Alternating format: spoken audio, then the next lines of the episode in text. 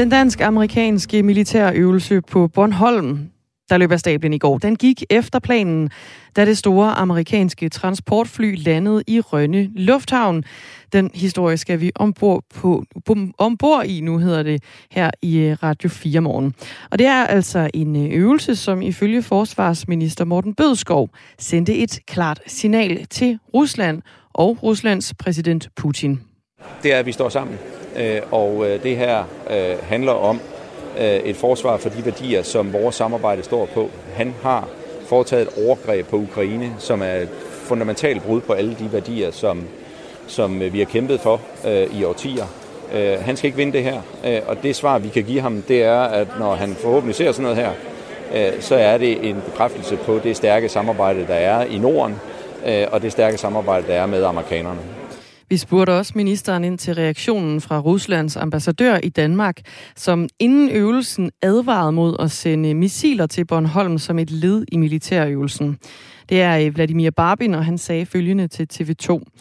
Det kan ses som et skridt mod at ændre Bornholm fra en fredsø til et potentielt militært brohoved.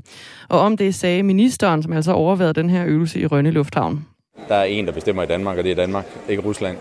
Øh, og derfor, når vi øh, laver øvelser sammen med vores allernærmeste allierede amerikanerne, når vi har øh, gæster med fra Norge og Sverige og andre baltiske og nordiske lande, ja, så er det et bevis på, at vi står sammen, øh, og at ambassadøren og hans præsident har fået det modsatte af, hvad de håbede med deres invasion af Ukraine. Det er dem, der har skabt splid og usikkerhed og ufred i Europa. Det er altså ikke os. Ja, sådan sagde øh, Morten Bødskov, altså ministeren, forsvarsministeren, til os her på øh, Radio 4 i går. Og det var jo en øh, øvelse med det amerikanske militær, der løb af stablen. Astrid? Øh, ja, som... Øh, øh, det var med den danske, danske her. Det danske her, Søværnet, Flyvevåbnet og det Bornholmske hjemmeværn. Og lad os lige høre lidt derfra.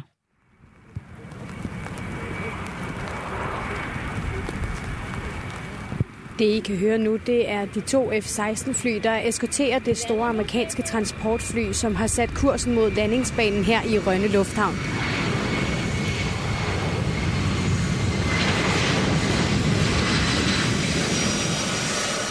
Så er det her på dansk jord et kæmpestort gråt transportfly.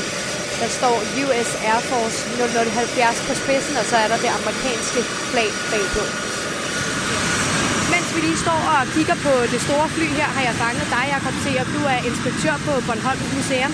Hvordan er det at se det her store amerikanske transportfly på Bornholms jord? Ah, det er jo øh, ret øh, inspirerende. Altså, det, er jo, det, er, det er jo et historisk øjeblik.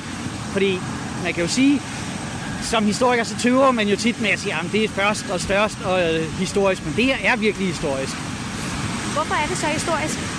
Det er det fordi, at det jo øh, betegner et, øh, et skift i øh, Bornholms rolle i dansk militærpolitik, der fuldstændig vender op og ned på den måde, man har tænkt i de sidste 77 år. Selve øvelsen gik blandt andet ud på at teste et amerikansk missilsystem, der kan ramme mål 500 km ud i Østersøen, og dermed også russisk territorium, som for eksempel Kaliningrad. Men hvordan forholder Bornholmerne sig, og hvad siger de til amerikansk militær på deres sø? Det var nogle af de spørgsmål, som vores reporter Lisa Linding gik på gaden med.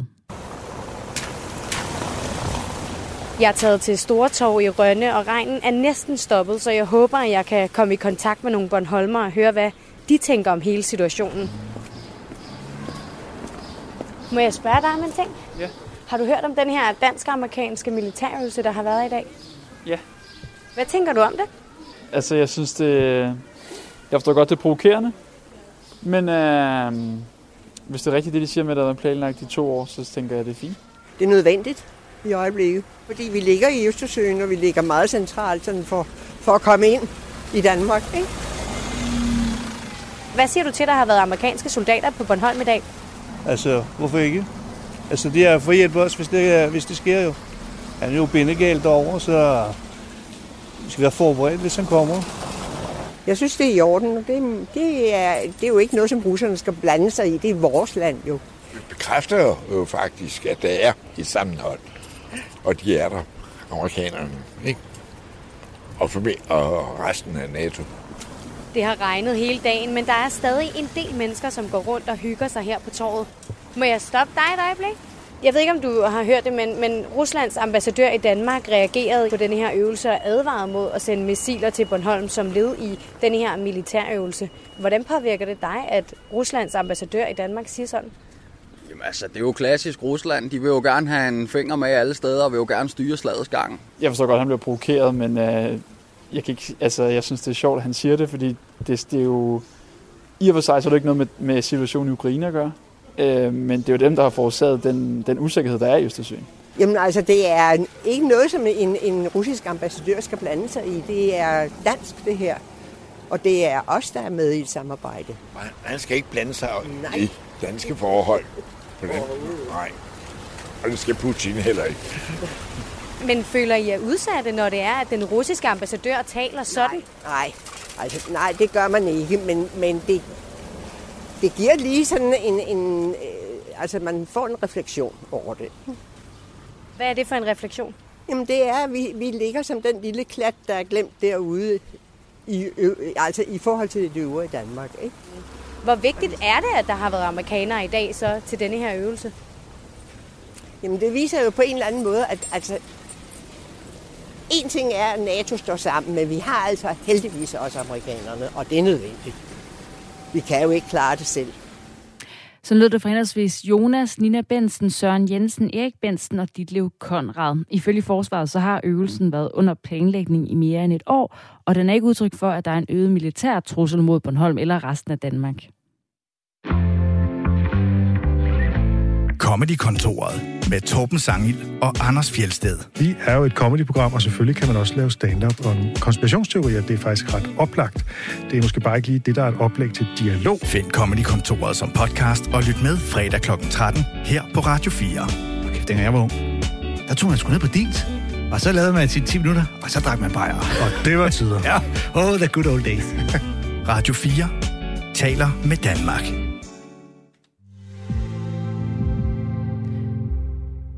I øh, den lille by Uvalde i Texas, der er en skole blevet udsat for et skoleskyderi. På nuværende tidspunkt, der har mindst 21 personer mistet livet i skyderiet, som betegnes som et af de værste i flere år i USA. Skyderiet det fandt sted på Rob Elementary School, og det er en øh, skole, hvor børnene de typisk er mellem 5 og 11 år. Og mens skyderiet det fortsat efterforskes, så har episoden her igen rystet amerikanerne. Det siger Adde Alling, som er korrespondent i USA.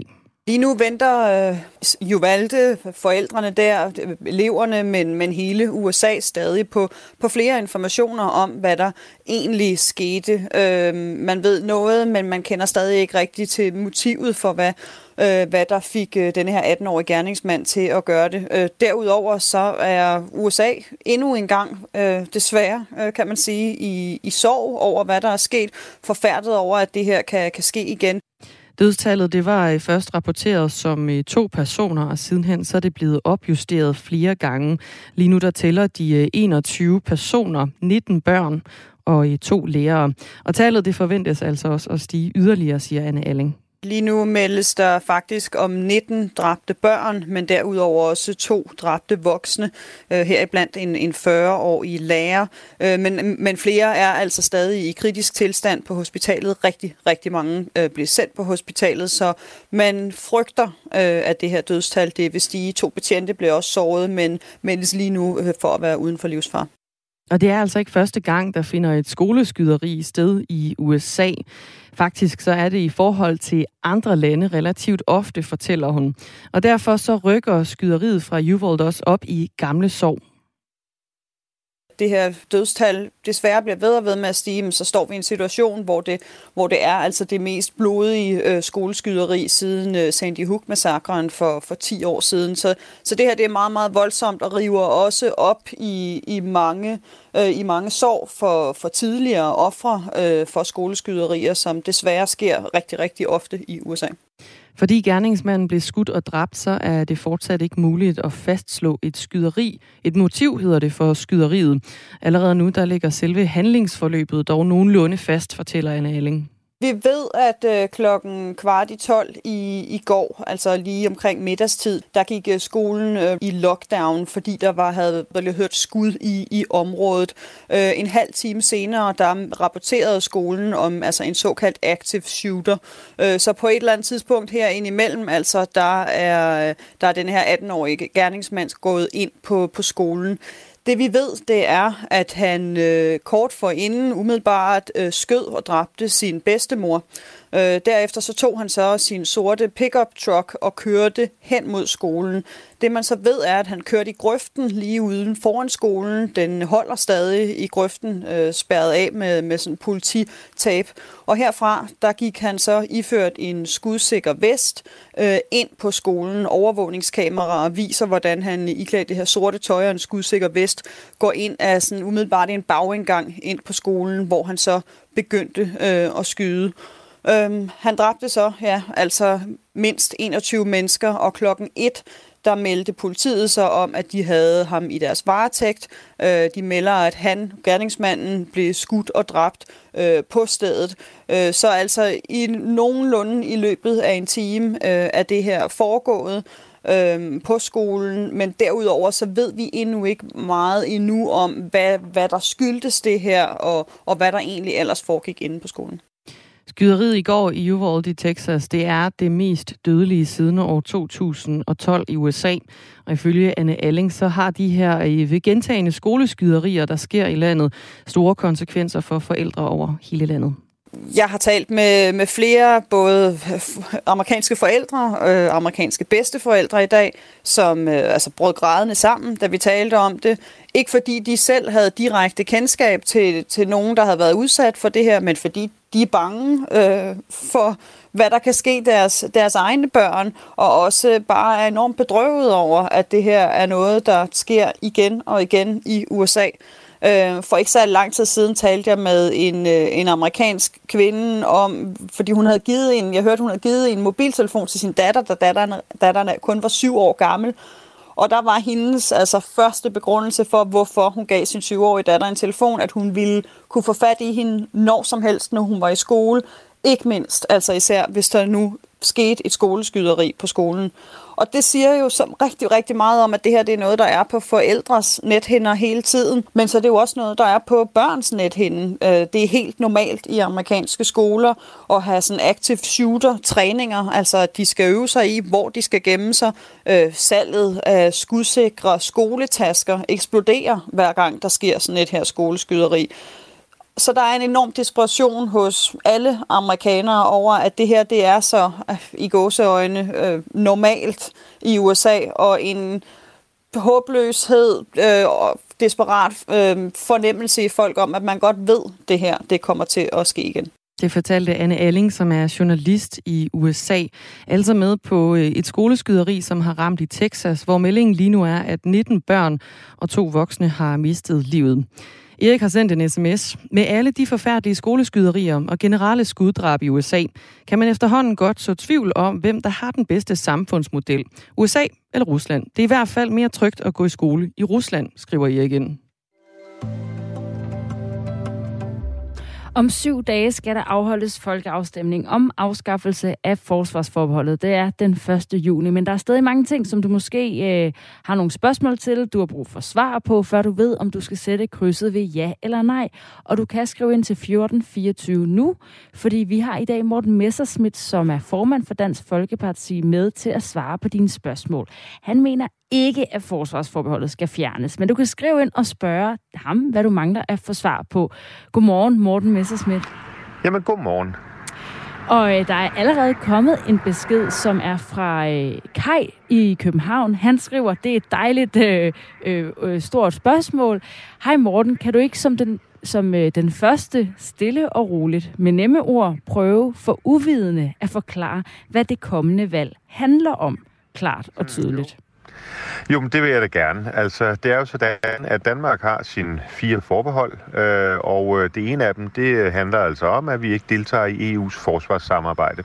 Øhm, øh, og forsvarssamarbejde, forsvarssamarbejdet, det dækker over både nogle regler, som øh, man laver øh, vedrørende sådan, øh, praktiske ting inden for forsvarsområdet, øh, og så dækker det over nogle militære operationer. Øh, og øh, de fleste af de operationer, EU har, har gennemført øh, indtil videre, det har været sådan efter fransk ønske, øh, især i, i Afrika, hvor man har øh, været nede i øh, Mali, Somalia, øh, den centralafrikanske republik, Mozambique osv., øh, fordi især Frankrig har en interesse i deres tidligere øh, kolonier.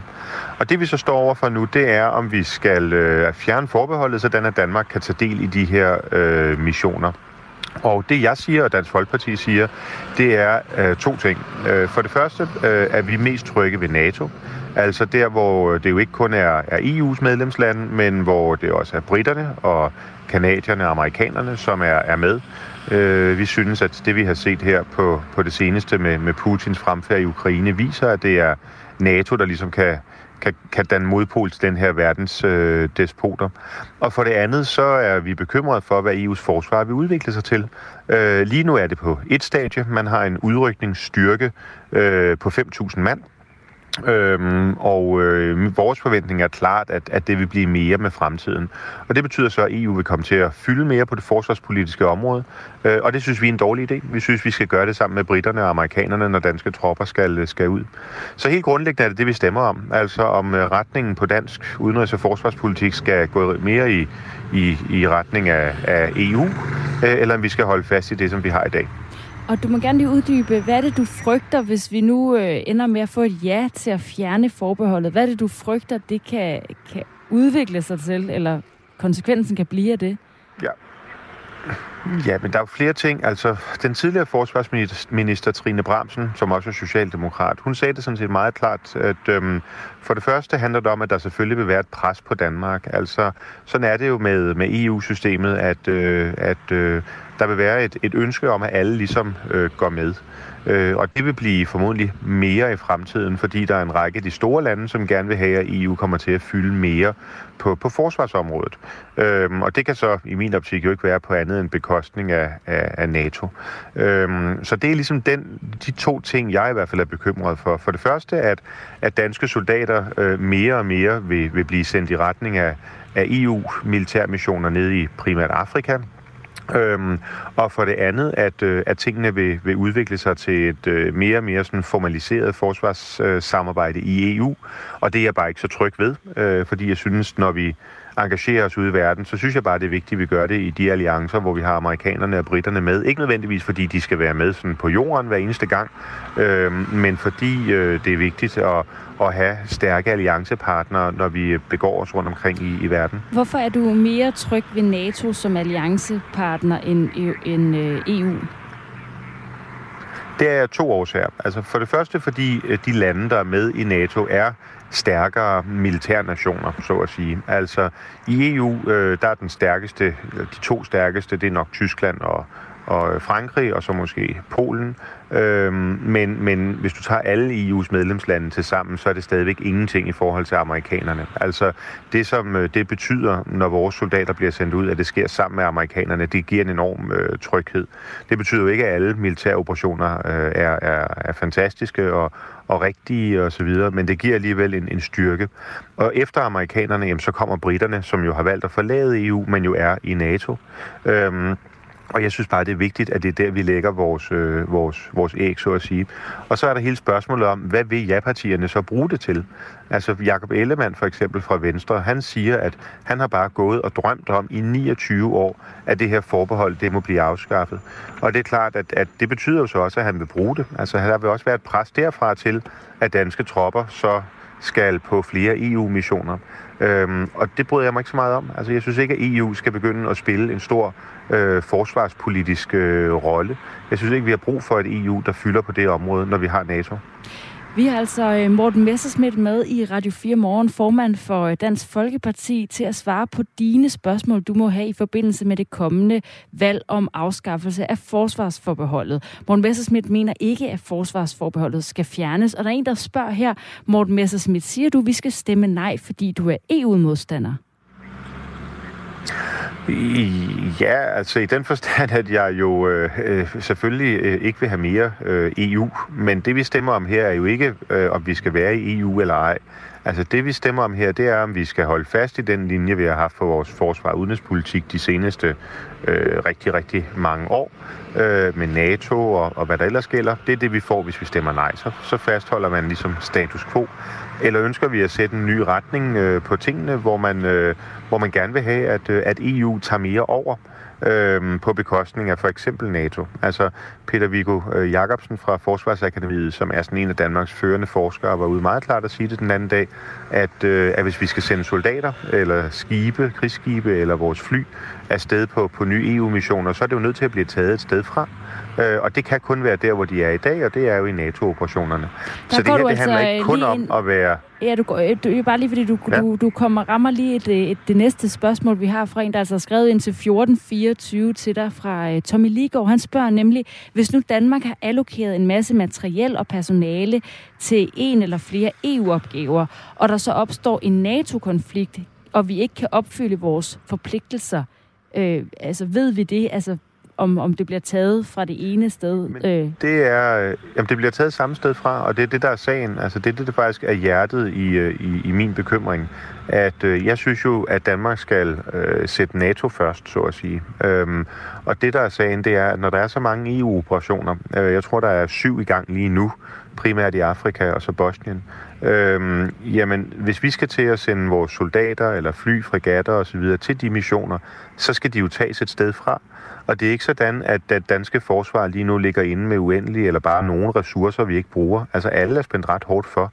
Og det er der, hvor jeg siger, at hvis vi siger ja den 1. Øh, juni, øh, så vil det øh, komme til at gå ud over vores engagement i, i, i NATO. Alt den stund, at vi jo ikke kan sende øh, en frigat eller en, en herreenhed eller et fly to steder hen på samme tid.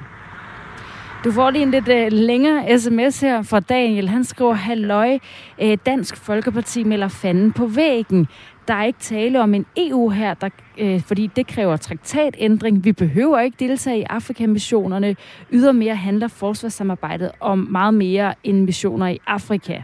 Messersmith må acceptere, at USA fokuserer på Kina-Asien-området, da det er langt større trussel mod dem end Rusland. Så ærligt, I bruger ham som ekspert, men øh, det er jo ikke objektivt, og det øh, er jo øh, også, øh, hvad kan man sige, out in the open, at du mener øh, selvfølgelig, at vi skal øh, beholde forsvarsforbeholdet. Men har Daniel ret i, at, øh, at øh, USA måske ikke, altså det skal jo også gå begge veje, sådan et samarbejde, at, at USA i virkeligheden har meget mere fokus på Kina og Asien, end de har på os i Europa?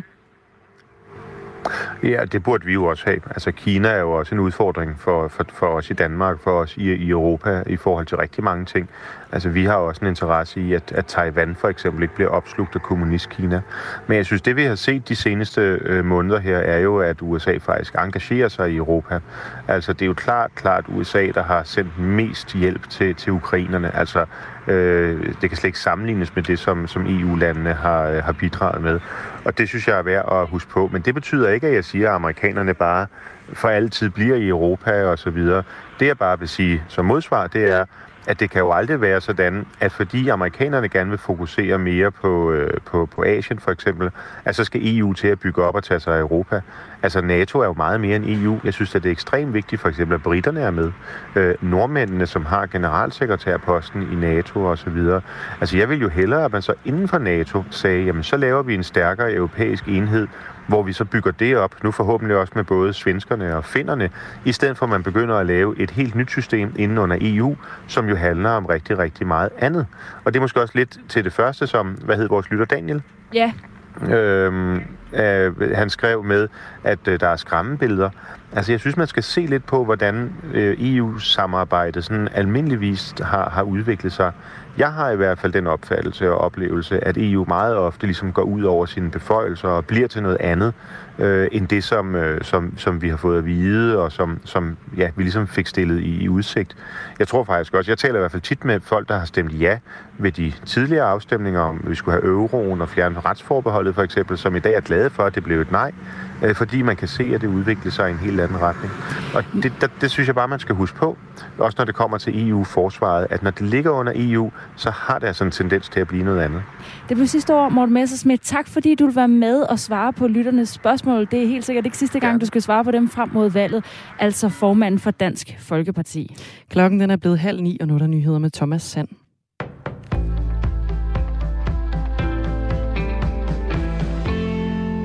En mindre by i Texas blev i går vidne til et af de værste skoleskyderier i USA i mange år. 19 børn og to voksne blev skudt og dræbt i byen Uvalde, der ligger i det sydlige Texas. Det oplyser Greg Abbott, der er guvernør i den amerikanske delstat. Og dødstallet kan stige, det fortæller journalist Anne Alling fra USA. Flere er altså stadig i kritisk tilstand på hospitalet. Rigtig, rigtig mange øh, bliver sendt på hospitalet, så man frygter, øh, at det her dødstal det vil stige. To betjente blev også såret, men meldes lige nu øh, for at være uden for livsfar. Skyderiet fandt sted på Rob Elementary School, der er en skole for de mindre årgange. Den formodede gerningsmand, en 18-årig elev fra et gymnasium i Uvalde, er også død. Det vi ved, det er, at han øh, kort for inden umiddelbart øh, skød og dræbte sin bedstemor. Øh, derefter så tog han så sin sorte pickup truck og kørte hen mod skolen. Det man så ved er, at han kørte i grøften lige uden foran skolen. Den holder stadig i grøften, øh, spærret af med, med sådan polititab. Og herfra, der gik han så iført en skudsikker vest øh, ind på skolen. Overvågningskameraer viser, hvordan han iklædt det her sorte tøj og en skudsikker vest går ind af sådan umiddelbart en bagindgang ind på skolen, hvor han så begyndte øh, at skyde. Det Hvide Hus og andre offentlige bygninger vil som følge af tragedien flage på halvstang frem til solnedgang 28. maj som et tegn på respekt for offrene.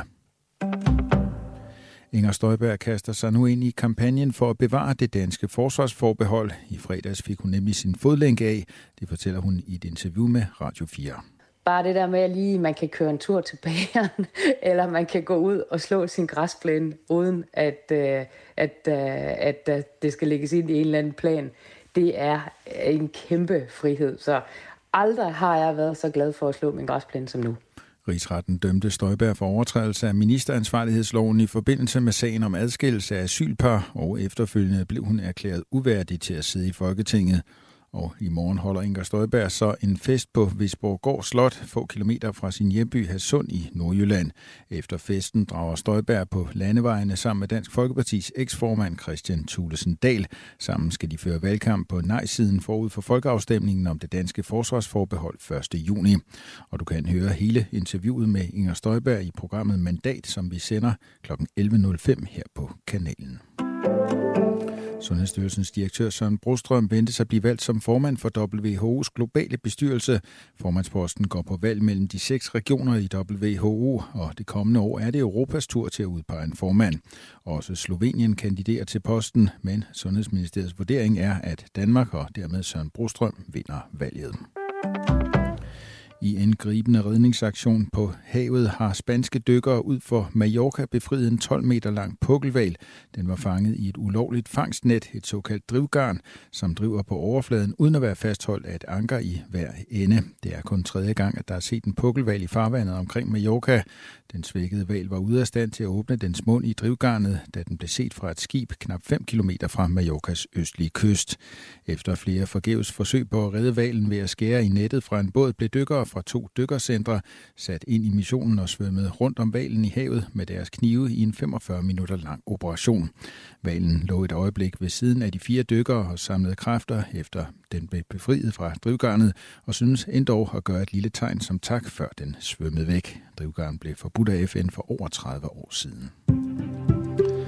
Vi får lidt sol og spredte byer, der om eftermiddagen kan være med torden. Temperaturer op mellem 13 og 17 grader.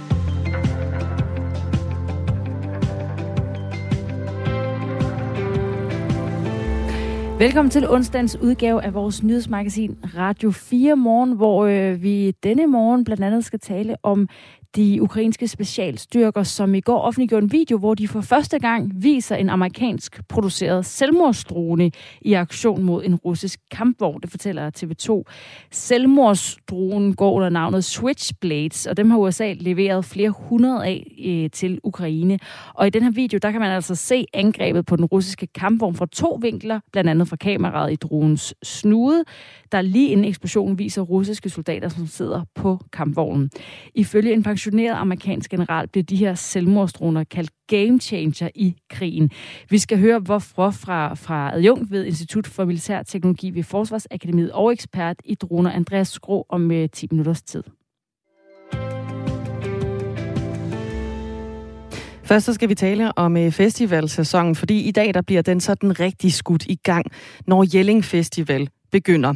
De næste fire dage, der vil over 35.000 mennesker besøge festivalen, og det gør den til den fjerde største i Danmark. Rigtig mange af de her tusinde unge mennesker, øh, rigtig mange af de her 35.000 er unge mennesker, og det kan altså give udfordringer, fordi de unges liv jo de seneste par år har været præget ganske meget af corona, og derfor så har de ikke besøgt festivaler før. Det mener Andreas Røbstorff, professor i antropologi og institutleder på Institut for Kultur og Samfund på Aarhus Universitet. Der er jo nok lige nogle ting, man skal øh, finde ud af i omgang med hinanden. Ikke også? Der er meget læring på sådan en festival. Hvordan organiserer man sig? Hvem ser man? Hvordan øh, navigerer man rundt i det der rum? Fra organisatorernes side skal man nok lige have et blik på, øh, hvilken vej tingene udvikler sig. Der er jo noget med, hvor meget kan man drikke, hvor længe skal man feste, hvordan skal man organisere sig, hvordan skal man få sovet.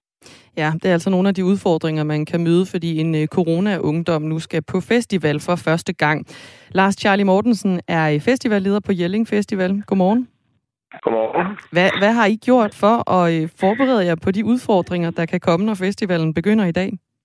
Jamen, vi har, vi har været vant til igennem mange år at haft meget unge mennesker på festivalen, fordi vi har haft, uh, ud af de der 35-40.000 mennesker, der er der 5.000 uh, øh, efterskoleelever, som hvert år der er kommet til vores festival. Og det er fuldstændig korrekt, at der er nogle af dem, som kommer i år, som aldrig har været på en festival, og det har vi selvfølgelig opmærksom på, lidt mere opmærksom på.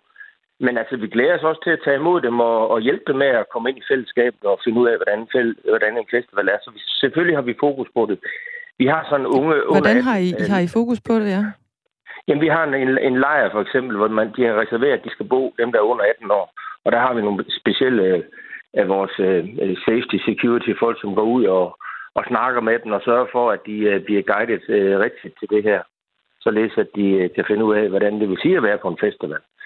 Uh, så uh, så vi, har, vi har fokus på det, og vi holder øje med det, og vi snakker med dem, og vi har vi har specielle ting og sager for dem, altså, øh, hvor vi går ud og, og laver nogle aktiviteter sammen med dem. Og øh, ja, altså prøve at holde lidt øje med det hele og, og fortælle dem om, at øh, hvordan det er. Og skulle de gå over grænsen, og der sker et eller andet, så har vi ligesom i fodbold og håndbold, så kan man få et gult kort, så får man bare et gult armbånd. Ja. Og har man fået to gule kort, jamen så er man ude af verden. Så, så det vil folk være ked af, når det glæder sig helt vildt til at komme på festival. Så Nå, man kan vel pille et gult armbånd af, kan man ikke det? Ja, det kan du godt pille af, men, men, men øh, så har du slet ingen armbånd. Så kan du slet ikke komme ind. Mm. For det, gamle, det rigtige armbånd bliver klippet af, og så får du et gult på, og så kan alle se, at nu er du... Øh, nu skal du i hvert fald øh, opføre dig pænt. og det her, det er alt sammen øh, nye tiltag, I har, I har lavet for, for festivalen i år, Lars Charlie Mortensen. Ja, vi, vi, har, vi har hele tiden haft det, for som jeg siger, vi har altid haft fokus på de helt unge mennesker, som kommer for første gang. Så, så det har vi, vi altid haft øh, fokus på de unge mennesker. I år har vi ekstra ordinær fokus på det, fordi at at der har været et, et par generationer, som ikke har fået øh, lov til at komme ud og opleve festivalerne. Vi skal have den ind i fællesskabet, og øh, det vil vi meget gerne have den til, så de kan blive nogle gode festivalgængere og, og opleve det der med et fællesskab og sammenhængskraften, når så mange mennesker er sammen. Der har jo tidligere været problemer ved øh, Tivolis fredagsrock i april måned øh, til en koncert med Andreas Odbjerg, og øh, Arti Girdit, der måtte øh, Tivoli lukke dørene, fordi der var for mange mennesker, og der opstod simpelthen tumult, og derfor så øh, forsøgte flere at forsere parkens hegn, mens andre de forsøgte at trænge ind igennem øh, portene.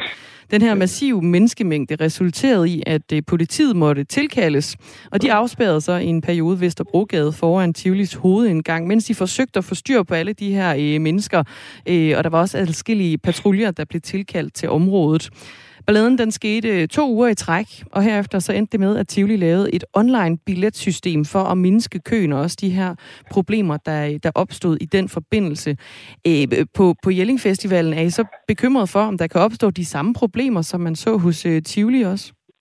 Nej, det er vi ikke. Det er et helt andet setup, vi har i Tivoli. Tivoli har jo nogle gæster inde i forvejen, som ikke er koncertgæster. Så der er masser af det, og det er en, en, en dags koncert. Altså, vi har fire dage, hvor vi laver festivaler, så man behøver ikke at skynde sig. Man skal nok nå det hele, og så har vi nogle store arealer og så videre.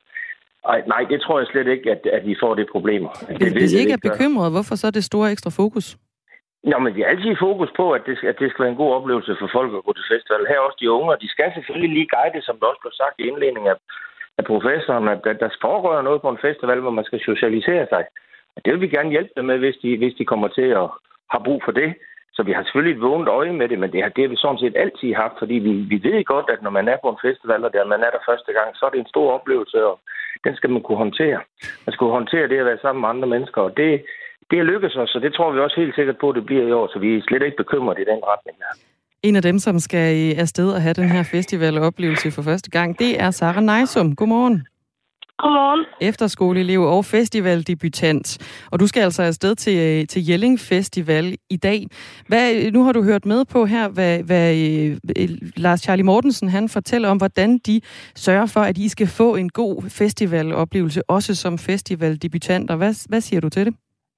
Jeg synes, det er en rigtig rar måde, og det er trygt at tage afsted. Også det med, at sådan, alle unge er samlet, så man ligesom ikke skal... Altså, fordi alle unge kommer jo lidt med det samme formål også, om at være sammen med andre unge. Og så i stedet for, at vi skal være spredt over en lille festivalsplads, så kan vi ligesom være sammen det samme sted. Ja, hvad, hvad, hvad glæder du dig mest til ved at opleve en festival? Øhm, jeg glæder mig rigtig meget til musikken især. Øhm, men jeg glæder mig også meget til at være sammen med mine venner, for jeg skal afsted sammen med min efterskole. Så jeg tror, det bliver en meget fed måde at være sammen med dem på, på en lidt anden måde. Og det bliver jo øh, garanteret også til en eller anden form for, øh, for fest, kunne man forestille sig, Sarah Neisum. Øh, øh, øh hvordan tror du, at du og dine venner, I kan, I kan, mm, kan man sige, håndtere det her med at skulle drikke også på en festival, hvor der er øh, fuld gang i den? Jeg tror egentlig, det kommer til at gå fint, fordi altså, vi kommer selvfølgelig også for fest, og det, en del af det er jo også at drikke, men jeg tror også, vi kommer meget for musikken og for at hænge ud og også høre musik sammen og hygge os sammen med vores venner. Har, har I talt om det her på forhånd med, at, at I er en, en, en, en række festivaldebutanter, der skal afsted, og de også lige skal sørge for at holde snor i hinanden og også passe på hinanden? Ja, vi har da snakket rigtig meget om, sådan, hvordan altså, at vi skal følges ad, og vi har sådan, lavet nogle planer over, hvilke koncerter vi skal til, og i det hele taget bare, at vi sådan, har styr på hinanden og følges med hinanden. Nu ridsede jeg lige op her, øh, hvad der foregik ved Tivoli for, for et par måneder siden. Altså de her øh, køproblemer, kalder vi dem. Øh, kan du være nervøs for, om sådan nogle øh, problemer, de også kan opstå ved, ved Jelling Festival? Mm, jeg tror, jeg er egentlig ikke noget, jeg bekymrer mig så meget for, fordi at i hvert fald dem, jeg skal afsted som øh, er trygge ved, og jeg tror også, jeg tror, der kommer til at være en god stemning på festivalspladsen, når det unge mennesker. Du skal i hvert fald have en øh, rigtig god festival, Sara Nejsum, efterskoleelev og festivaldebutant, som skal afsted på Jelling Festival i dag. Tak fordi du var med. Tak, selv tak. Også uh, rigtig god festival til dig, Lars Charlie Mortensen. Ja, tak skal du have. God fornøjelse med det. Ja, tak, tak. Og så er det altså de næste fire dage, der er Jelling Festival. Det er tid til en fødselsdagsquiz. Astrid. Yes. Er du øh, klar? Klar, parat. Det er godt. Fødselsdagskvisten er jo øh, det dejlige koncept, der giver dig nogle øh, fakta, du kan gå videre ud i dagen med. Det er noget, der lige riser kort op. Fem begivenheder, der er sket på den her dato tidligere år, eller personligheder, som har fødselsdag i dag. Øh, jeg riser op en række ting, som er sket i dag, Astrid, og så øh, tager vi den bagefter. Så skulle du nemlig rangere dem fra ældst til yngst. Og vi starter med, at øh, Makral bliver skudt ned uden for sit hjem og dræbt. Det er altså præsidenten for rockergruppen Bullshit. Ja. Mm. Københavns Idrætspark, det der nu hedder øh, Parken, bliver indvidet med en fodboldkamp. Det er mellem et udvalgt Københavns kold og så den engelske klub Sheffield Wednesday. Men altså, Københavns Idrætspark bliver indvidet. Det som i dag hedder Parken. Danmark lander også øh, på den her dato på en sidste plads i det internationale Melodi Grand Prix. Det var det dårligste resultat nogensinde. Det lød sådan her. Vis mig, hvad du er.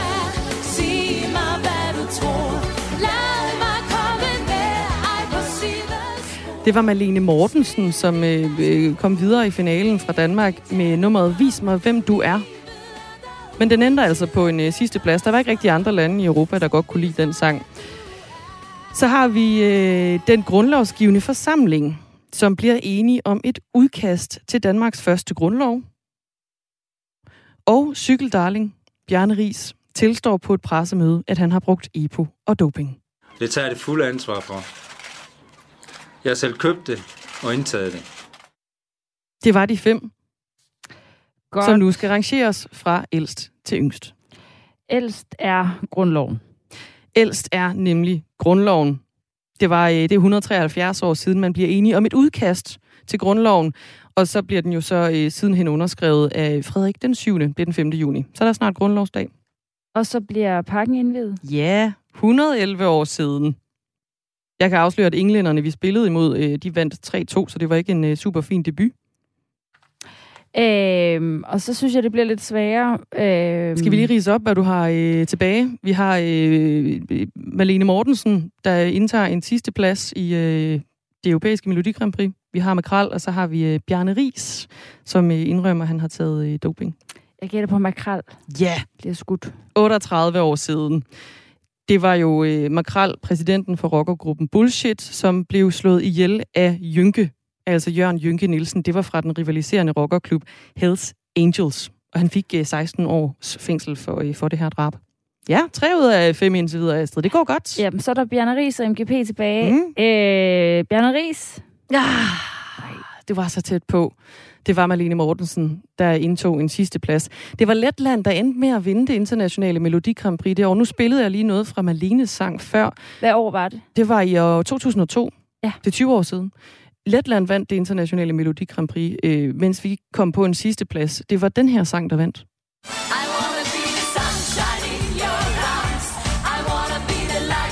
Jeg kan bedre Er huske det- den danske. Ja, det kan jeg altså også. Jeg kan simpelthen heller ikke huske den her. Men det var altså i Letland med sangen I Wanna, sunget af en, der hed Maria Numova.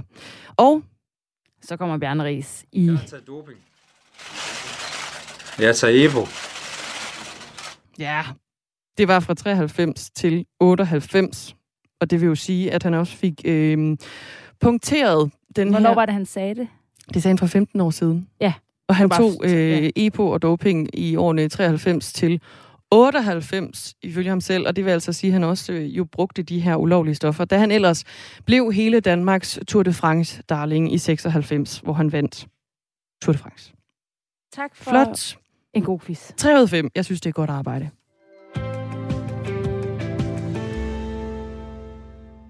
Den ukra- eller de ukrainske specialstyrker offentliggjorde i går en video, hvor de for første gang viser en amerikansk produceret selvmordsdrone i aktion mod en russisk kampvogn, det fortæller TV2. Selvmordsdronen går under navnet Switchblades, og det er nogen, som USA har leveret flere hundrede af til Ukraine. I videoen, der er blevet offentliggjort, der kan man se et angreb på den russiske kampvogn fra to vinkler. Blandt andet fra kameraet i dronens snude, der lige inden eksplosionen viser russiske soldater, som sidder på kampvognen. Ifølge en pensioneret amerikansk general bliver de her selvmordsdroner kaldt en game changer i krigen. Og nu skal vi høre, om Andreas Skrå mener det samme. Han er adjunkt ved Institut for Militær Teknologi ved Forsvarsakademiet og ekspert i droner. Godmorgen. Ja, godmorgen. Vil du også kalde de her selvmordsdroner, eller switchblades, som de også hedder, en game changer i krigen? Jeg synes, man skal være påpasselig med at... Ja, man skal øh, være lidt påpasselig med at, øh, at udnævne sådan enkelte teknologi og våbensystemer til at være game changer. Men, øh, men der er ikke nogen tvivl om, at droner øh, generelt set øh, har været noget, man godt kunne kalde en, en game changer. Øh, det har vi også set i, i tidligere konflikter her, bare lige for de senere år i Nagorno-Karabakh og øh, Libyen og Syrien, at de har gjort en stor forskel. og så er der lidt diskussion om, hvorvidt man kan kalde dem en game changer, fordi der er selvfølgelig også rigtig mange andre ting, der spiller ind, både i andre, andre våbensystemer og også i forhold til hele sådan, spørgsmål om doktrinen og den måde, man, man koordinerer angrebene på. Hvad er det særlige ved de her selvmordsdroner? Altså, det særlige er, at de jo... Øh, de, altså, grunden til, at man kalder dem selvmordsdroner eller kamikaze-droner, øh, de går også under den mere tekniske betegnelse loitering munition, og det betyder egentlig, at de svæver. Altså, det er jo sådan missiler, i virkeligheden intelligente missiler, der svæver rundt i luften. Man sender dem op, så svæver de rundt, indtil de finder et mål, og så øh, kan man så, øh, så, så kan man sætte dem til at angribe, og så, øh, så er det på den måde er det sådan en, en engangs øh, øh, anvendelse af dem. Ikke? Så, så, så man, men det, det, det nye, altså det der måske adskiller dem fra sådan almindelige øh, sådan fjernstyrede missiler, det er det der med, at de har evnen til at ligge og, og kredse rundt i flere timer faktisk over et område, indtil de så kan genkende et, et mål. De har også noget billedgenkendelsessoftware indbygget, som faktisk gør, at de, øh, at de selv sådan ligesom udvælger eller udpeger målene, og så er det så op til øh, personen, der styrer den om at, øh, at, at klikke yes, og så, øh, og så, så angriber de jo, ikke? Og er det så fordi, altså det med, at de kan, kan flyve flere timer, inden de rammer målet, er det, hænger det så sammen med, det, at det, det her med, at de bliver kaldt selvmordsdroner, altså de jo så øh, kan bruges én gang, og så går de i stykker, at de ja. ligesom ikke skal flyve turen hjem igen?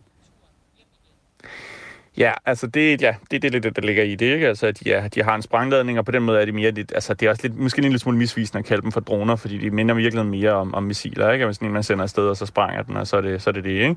Men de er jo så heller ikke så frygteligt dyre, altså sådan en koster 6.000 dollars, og det er ikke voldsomt meget, heller ikke sammenlignet med almindelige missiler, sådan set.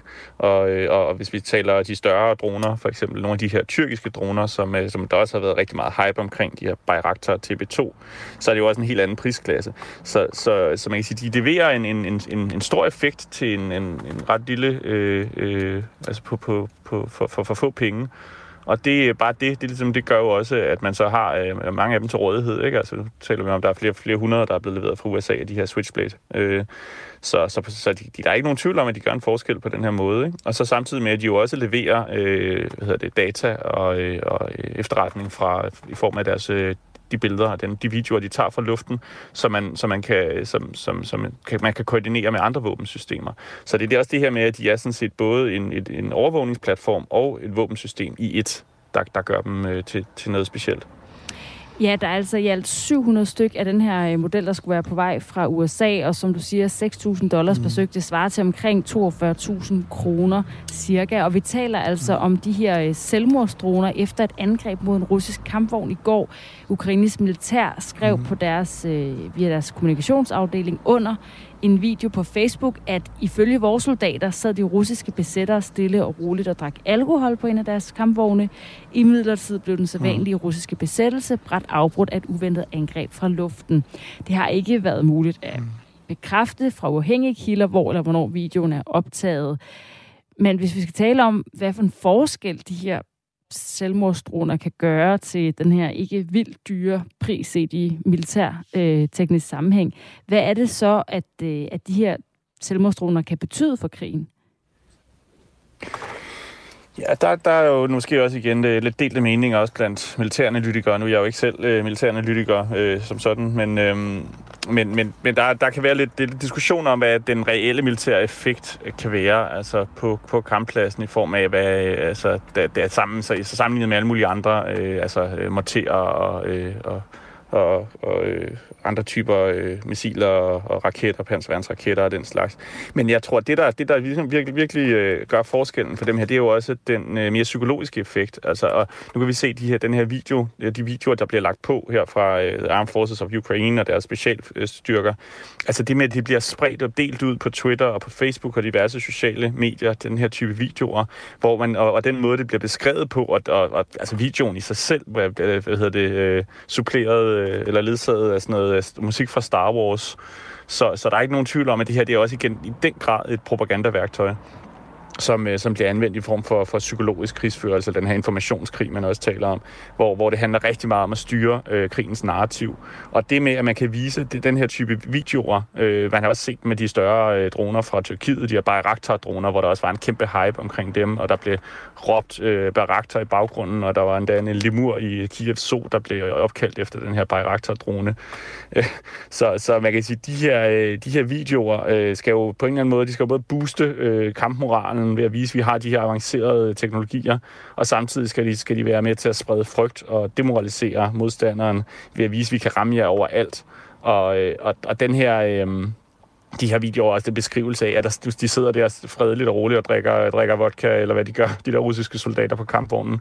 Og så ser man faktisk jo i, i, i høj opløsning øh, den her drone, der bare zoomer ind og, øh, og nærmest lige, lige frem til den rammer dem. Så man kan i hvert fald være 100% sikker på, at de i hvert fald ikke overlevede det angreb.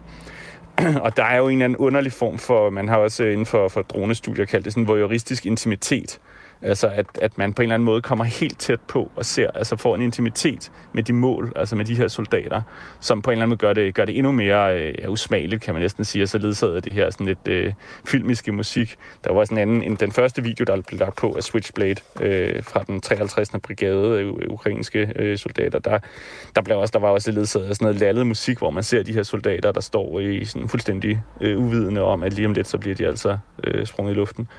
Så, så det er en, øh, det er en, en anden ny type, øh, ja, også form for, for propagandakrig og psykologisk krigsførelse, men, men også, øh, altså, men man ikke skal undervurdere effekten af, tror jeg. Ja, så en ting er den sådan helt lavpraktiske effekt i, at man ødelægger nogle kampvogne og rammer nogle russere, og noget andet er så den psykologiske effekt, det har både for kampgejsen og øh, i på side og for mm. frygten fra russernes side. Hvorfor kan russerne ikke beskytte sig mod de her droner?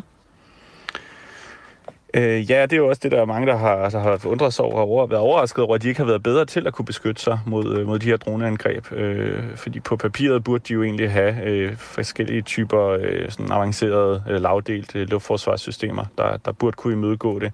Men øh, problemet er også måske særligt også med den her type droner, at de er så små, altså at de, øh, og, og i virkeligheden kan de jo ligge, når de ligger og loiter, altså svæver rundt, så, øh, så er de svære at opdage, simpelthen fordi de er, de er lette og, og, øh, og, og, og små og, og kan ligge i i, en stor højde, så, så de er svære at se på radarsystemer.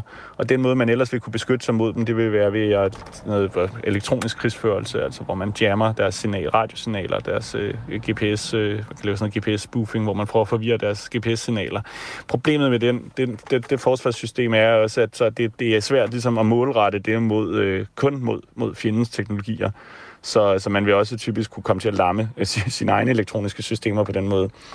Så der er, der er flere årsager til, at det er, at det, det er generelt et område, man har der stor fokus på, at det er, at det, altså det her, de her droneforsvarssystemer, det er ikke så lige til hverken at, at opdage dronerne, altså identificere dem på radar for eksempel, eller at skulle beskytte sig mod dem.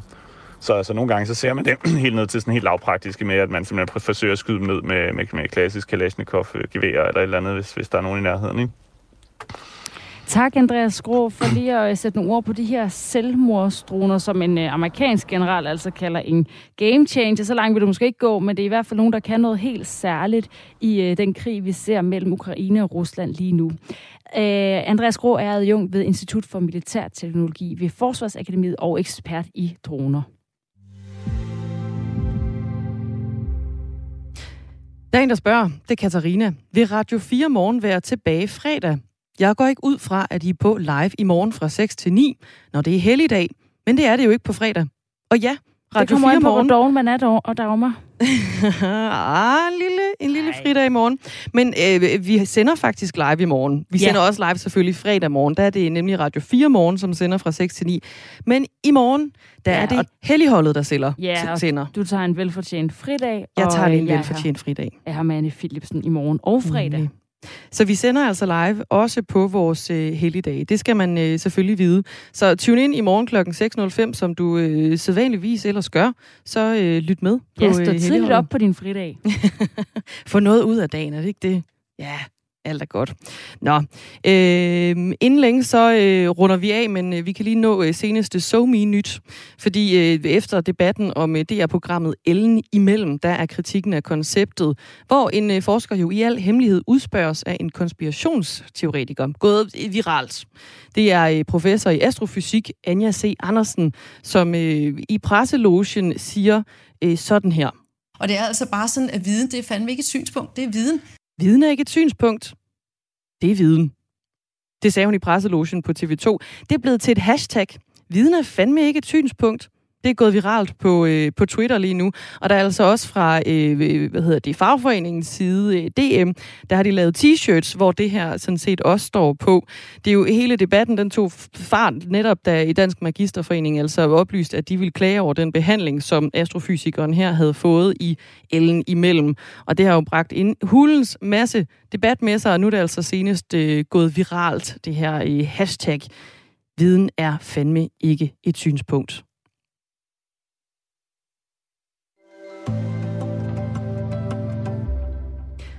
Lige om lidt, så er der ring til øh, Radio 4, som du selvfølgelig også øh, skal lytte med på. Ja, og emnet i dag, det er øh, spørgsmålet om, hvorvidt det er en god eller en dårlig idé, eller de ældste skoleelever møde en time senere. Der kan jo være noget med øh, børns søvnrytmer, hvad der er godt, når man er i voksealderen, og hvor mange timer man skal sove, og på hvilke tider af døgnet. Og så er der sikkert også et, øh, et stort praktisk hensyn til, hvornår øh, forældrene skal være på arbejde. Hvis jeg som skoleelev øh, selv måtte bestemme, så ville jeg da helt klart have mødt en time senere. Hold op, hvor var det svært at komme op om morgenen. Men, Næsten sværere end det er, når vi står op midt om natten. Men hvad for hvis, at sende Radio øh, 4 morgen.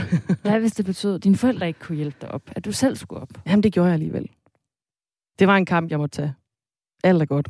Du og skal... det er selvfølgelig også de ældste skoleelever, så det, øh, det er så meget behov, at der måske ikke lige for øh, jeg vil sige, forældrene til at i de smøre små klasser, der var, det, der var det mor og far, der hjalp mig op. Sidenhen så måtte jeg altså selv øh, tage kampen med vækkeuret, der ringede der i tidligt om morgenen. Det er en debat, du kan øh, byde ind på på øh, sms'en, altså om det er en god eller en dårlig idé at lade de ældste skoleelever møde en time senere i skole. Men hæng på her på øh, Radio 4.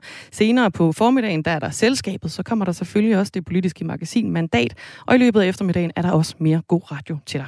Tak for i dag. Nu er der nyheder klokken 9.